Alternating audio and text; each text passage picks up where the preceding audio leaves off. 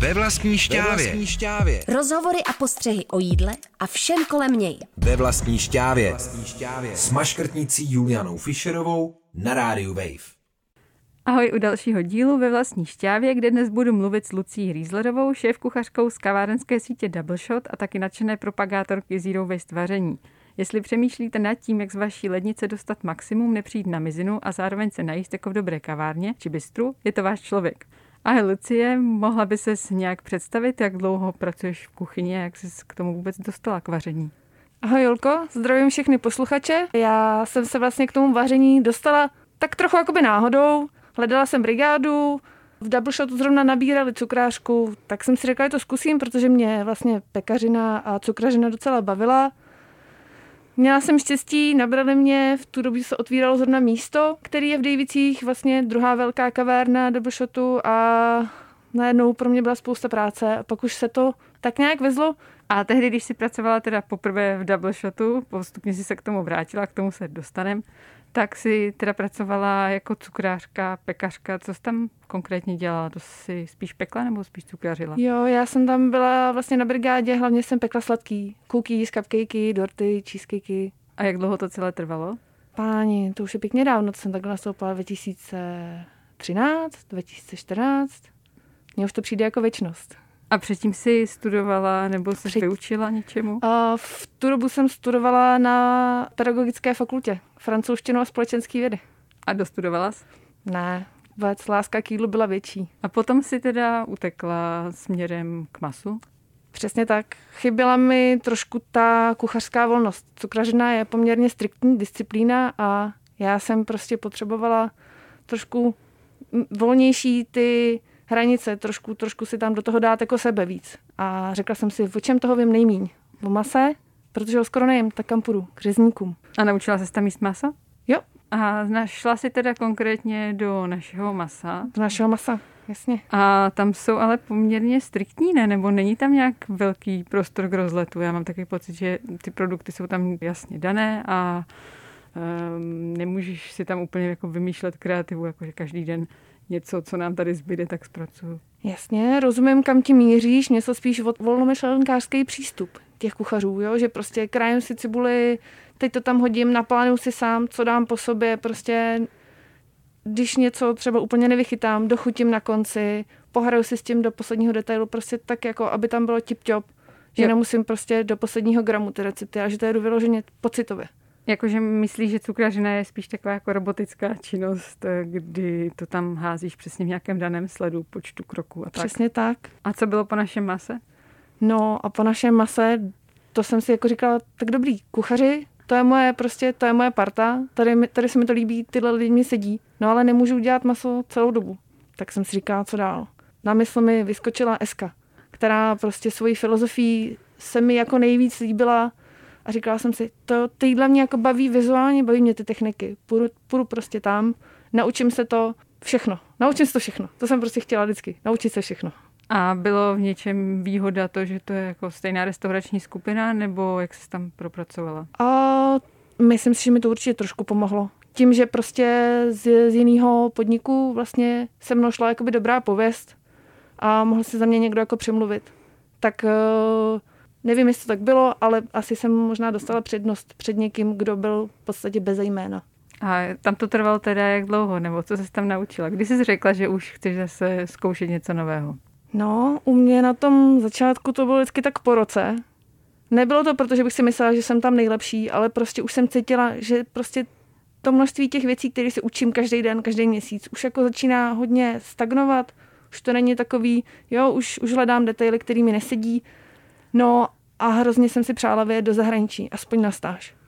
A vlastně, jestli někde jsem u někoho přečetla na blogu, nebo jestli mi to někdo doporučil vložně z kolegů v, v SC, tak uh, mi doporučili Silo, což je vlastně Zero Waste restaurace, tenkrát ještě byla v Brightonu. Mm-hmm. A já jsem prostě byla úplně uchvácená. Já jsem si říkala, no tak to musím zažít prostě, i kdyby jenom na měsíc. Jako. Jakým způsobem se člověk propracuje do Saila, který je docela vyhlášený? No, já jsem vlastně celou dobu až do dneška jsem překopená, jak moc jednoduchý ty věci jsou, když člověk chce. Já jsem napsala e-mail na nějaký náhodný, který jsem našla. Zjistila jsem si, že jméno šéf kuchaře, prostě, který to tam vede, a napsala jsem jakoby do oslovení jeho jméno, aby bylo prostě vidět, že fakt jako to není náhodný e-mail, který dostalo 500 lidí. A napsala jsem jako, tohle je moje motivace jet k vám, hrozně ráda bych to viděla, hrozně ráda bych to donesla zpátky do České republiky a šířila to dál. No a v podstatě za, asi za tři dny jsem dostala odpověď, jasně, jak dlouho tady chceš být. Ta odpověď byla, můžeš u nás pracovat, nebo můžeš k nám přijít na stáž a platit si nocleh a stravu sama? Já jsem vyloženě psala o stáž, protože jsem věděla, že je asi tak stokrát větší šance, že dostanu kladnou odpověď. A mě šlo fakt o to jenom prostě to tam nasát, jak houba, prostě přijet úplně takhle prázdná mysl připravená přichystat, jako mm, pochopit a naučit se úplně všechno a vodet úplně s hlavou tyjo, těžkou, jak pátrací balon prostě. Na jak dlouho dobu to bylo a na kolik to vyjde? Já jsem tam byla měsíc a s tím, že jsem bydla někde jako u nějaký paní prostě v místnosti a jestli mě to stálo za ten měsíc 50 tisíc, s tím, že ale já jsem potom ještě byla týden v Londýně a Nasávala si a ochutnávala v restauraci. tak no. A to bylo možná skoro jako na den dražší, než bydlet v tom Brightonu. Takže Lucie, ty jsi tam byla měsíc na stáži a co se tam naučila, co ti utkvělo v hlavě nejvíc, že je důležité tak nějak dodržovat a nevěděla si to, protože asi jako všichni tušíme, že je dobré nevylívat vodu z pečených kostí z kuřete nebo tak. Jako nejzajímavější věc pro mě tam vlastně bylo, že všechny odřezky, větvičky, stonky, všechno, co prostě mě už jako přišlo, že ani jsem jako nedokázala vymyslet, že se z toho něco dá, tak se dalo prostě do gastrošky. To je velká nádoba pro lidi, kteří nedělají v gastronomii a dalo se to přes noc eh, vlastně napařit. Takhle, mm-hmm. napařit je správný slovo. A pak se to přepasírovalo, zredukovalo a bylo z toho vlastně takový jako karamel, melasa Mhm. a vlastně se z toho dostalo jako fakt už úplně všechno, co se z toho dalo. Takže takové uho. Takové jako silo uho speciální, univerzální. Balzamiko? Balzamiková redukce. Chuťově. Nejblíž. Mhm. Dobrý. Takže výborně, takže nevylejvejte vývar z pečených kostí a spečte všechno, nebo svařte, zredukujte. No, tam bylo, fakt to byly jako slupky, větve, prostě takový jako spíš rostlinný, rost, věci rostlinného původu. Mhm. A co ještě dál tě tak jako pobavilo a oslovilo? Hodně jsem si tam uvědomila, jak moc už v kuchyni nepoužíváme vůbec základní suroviny. Nám Jak? prostě jezdilo mlíko, smetana, to bylo všechno. Jogurt jsme si vyráběli, zakysenou smetanu jsme si vyráběli. Všechno. A to, to vlastně, jo, třeba přijelo, když přijelo maso, tak přijela prostě, přijel jelen, celý. Žádný naporcovaný, rozvakuovaný. Ale zase to zabírá hodně práce, hodně personálu, ne? Že vlastně tam vyrábíš výrobnu na všechno, aby si tohle to všechno mohl zvládnout, zpracovat. Jo, jasně. Jo, určitě, to zabírá spoustu času. Té lidské práce je na tom opravdu hodně. A jídlo, který tě nejvíc oslovilo? To byla pečená řepa, znova rehydratovaná ve šťávě, skaramelizovaná. Mělo to skoro texturu jako maso, ale bylo to prostě furt po té řepě, ale sladoučký. K tomu byla kapusta s miso pastou se z bramborových slupek. Mhm. A nějaká bílkovina v tom nebyla? Bylo to vlastně úplně vegan? Bylo to vegan, ale bylo to hrozně dobrý. Ty si potom, co jsi se teda vrátila ze uh, Sehla, tak si pracovala ještě potom v Momojiči, myslím? Ano, je to tak. A potom si teda se vrátila zpátky do Double Shotu. Jo, přesně tak. Proč jsi se teda vrátila zpátky? Nebo jak, jak vypadal ten tvůj myšlenkový pochod? Jo. Říkala jsi, jako přenesu to zrovna jim, přičemž oni jsou hlavně kavárny, lomeno bistro. Tam bylo vlastně, když jsem dělala v Momoči, tak furt to moje srdíčko říkalo, hele ne, to je prostě, to je moc daleko. Azie, Japonsko, prostě tohle, Čína, fakt jako Tam moc tu lokalitu asi jako neužiješ. nešlo prostě, nešlo mi to přes srdíčko, jako jo, dostala jsem tam možnost trošku jako i výst nějakým způsobem tu kuchyň eh, ve spolupráci s kolegou, ale prostě furt to nešlo přes srdíčko, tak jsem odešla a říkám tak a teď si dám chvíli čas a fakt kejvnu jenom na tu práci, která bude ono. No a ona přišla prostě, to bylo, to byla zase taky trošku jako souhra náhod. Já jsem se vlastně hlásila na trošku jinou pozici a bylo potřeba, abych nastoupila hned. A já jsem prostě nechtěla nastoupit hned. Já jsem si chtěla odpočinout, tak druhý den byl telefonát, jestli nechci tudla. Říkám, tak jo. To je mohlo být ono. A říkám, ale chci do toho takhle, půjdu do toho s tímhle, chci to směřovat prostě jako k mý odpadu, víc zeleninový jídla, budu se soustředit na nějaký jako lokálnější dodavatele, pokud to půjde. Oni, jasně, není problém, jen si to musíte zařídit. Říkám, no, tak to asi. Takže tvoje aktuální pozice teda vypadá tak, že se staráš o tu kreativní i funkční stránku všech těch eh, tří provozů, který Dabašot má. Tak, přesně. Všechno, co se prostě pohne, co se ude, uděje v eh, obou kuchyních, v obou kavárnách, je vlastně moje, moje jako práce. Moje, můj úkol to udržet v chodu. A nakolik je to plánovací a kancelářské a nakolik je to praktické? Protože předpokládám, no, že aby právě všechno bylo nějak využitelné smysluplně, tak se to musí dobře rozplánovat předem. To záleží, jak velkou bejkovinu si vymyslím na sebe sama. A je to kancelářská práce, já bych řekla, že kancelářská práce vlastně převažuje, protože všechno musí mít systém, všechno musí být jasný, přehledný a vlastně dost často je to jenom o vysvětlování kuchařům než o samotném vaření. Aby oni pochopili, proč to tak chci, proč to tak, je, jako, proč to tak mají vlastně dělat. Jak vypadala teda nějaká zásadní proměna, která přišla s tebou? Může to znít jako eh, maličkost, ale je to vlastně přemýšlení nad tím, než něco vyhodím do koše. Mhm. Úplně ta finální fáze. Podívat se, jestli teda OK, máme třeba něco v plastových lahvích, to prostě je věc, která se mění poměrně těžko, ale vypláchnout jí, třeba se špinavá, smáčknout, když mám košťál od květáků, podívat se na něj, jestli není pěkný, jestli by se třeba nedal použít do polívky. A to je vlastně to, na čem pracuji úplně nejdřív. Mm-hmm. Ale jinak by teoreticky hospoda měla být zero waste tak nějak už principiálně, protože hospodský prostě nechce utratit moc peněz za vyhozené věci. Jo, ne? jasně, to bylo v přírodce i na učňáků. Eh, kuchař se chová ekonomicky. Eh, neobjednává víc, než potřebuje, zpracuje všechno, z čeho vaří, ale někde jsme na to prostě zapomněli, no. A kde je ta hranice mezi tím uh, být škrt a šídit zákazníka a um, zároveň uh, vařit bez zbytku? Já si myslím, že ta hranice je hodně tenká, ale musí člověk prostě jako za mě, něco v tomhle pomáhá, je to, že jsem si dala jako hlavní uh, cíl těch jídel, aby prostě byly dobrý, aby to bylo fakt jako delikátní, to je takový naše oblíbený slovo v práci. Mm-hmm. A tím se prostě člověk vyhne tomu, že chce šidit ty lidi. Lucie, jak se proměnil postupně váš styl vaření v době koronavirové pandemie? Teď eh, se úplně moc nevaří, ne? No, pro mě, pro mě osobně se vlastně moc nezměnilo. Já furt jakoby chystám ty meníčka v, tak, v takovém režimu, v jakém měly být, ale naše kavárny vlastně mají momentálně kuchyně zavřený. Mm-hmm. Protože my jsme jako chtěli to, chtěli jsme mít otevřeno, a protože prostě naši hosti jsou zvyklí na nás. My máme poměrně dost hostů, kteří nám chodí pravidelně, ale ukázalo se, že prostě naše jídla jako že prostě nejsme ten podnik. Nejsou úplně krabičková. Nejsme, no, ale ani nejsme vlastně ten podnik, kam by si lidi pro to jídlo do krabičky jako šli.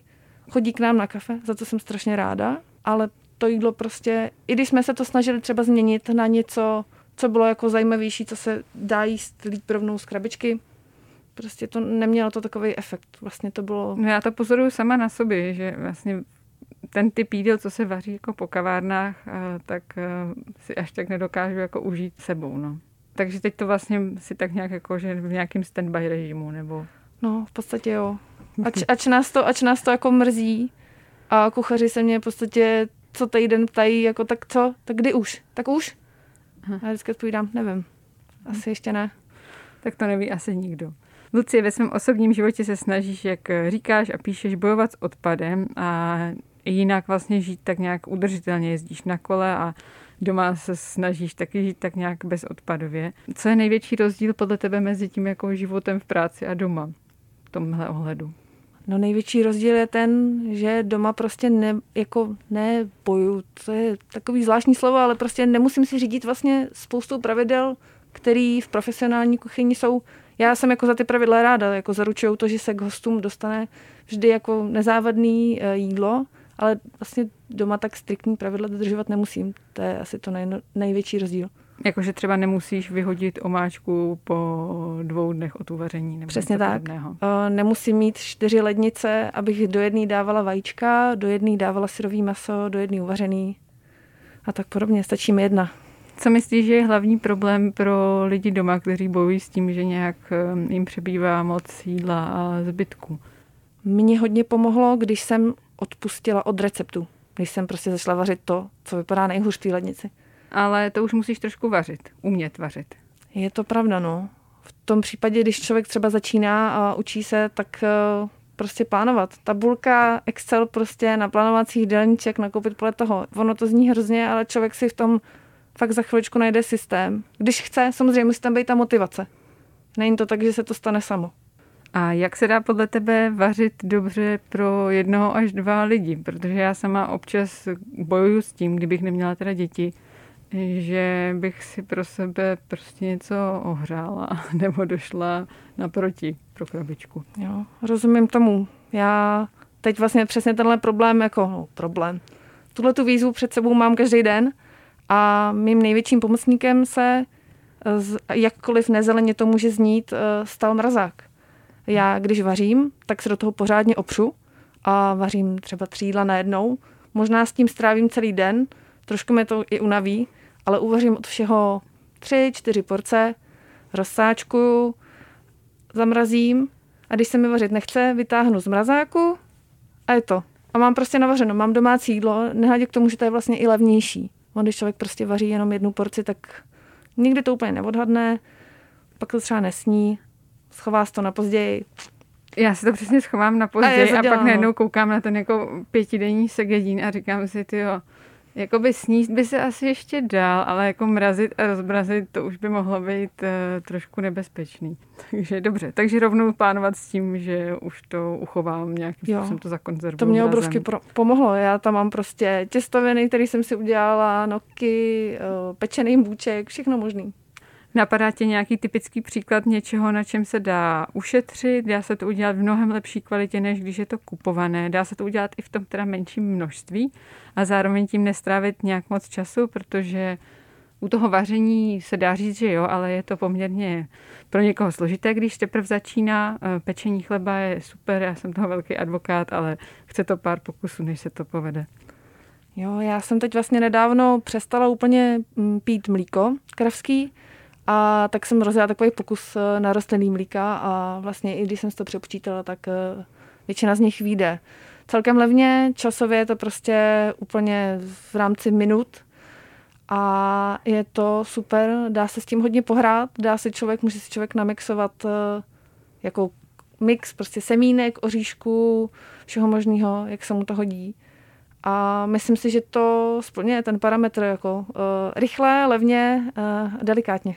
Jo. A máš nějaký nápad na nějaký skvělý posloupný kuchařský hit nebo více hitů, které se dají uvařit a dává to logickou posloupnost? Přemýšlím. Já třeba teď v zimě, co se dá, tak eh, je to super jídlo, teda za mě. Pečený pastinák, mrkový pere, já to mám nachystaný dokonce i na zimní menu, který se nejspíš asi nestane. Mm-hmm. A jak jsem říkala, jo, pečený pastinák, mrkový pere a nač z toho udělat pesto, zamíchat toho třeba slunečnici, trošku síra, nějaký patky, něco okoralejšího klidně, ať jsme u těch zbytků a to je úplně skvělé jídlo. Ono to nezní takhle, ale dá se to posílit, dá se to posílit ještě jogurtem. Ono je potřeba taky vlastně říct, že třeba ty patky síra a třeba i patky chleba, jako krutony pro křupavost, tak jak vlastně ta potravina se sychá, tak eh, získává tu chuť jakoby koncentrovanější. No, proto se to používá. Lucie, tak děkuji moc za rozhovor a za všechny tvoje tipy. Tak já děkuji za pozvání. Celý díl ve vlastní šťávě si můžete poslechnout také na stránkách Rádia Wave nebo stáhnout v aplikaci Můj rozhlas CZ a já se na vás těším zase v příštím díle ve vlastní šťávě s Julianou Fischerovou. Ve vlastní šťávě. Ve vlastní šťávě. To jsou rozhovory a postřehy o jídle a všem kolem něj. Ve vlastní šťávě. Ve vlastní šťávě. Přihlas se k odběru podcastu na wave.cz lomeno podcasty a poslouchej šťávu kdykoliv a kdekoliv. U plotny i ve špajzu.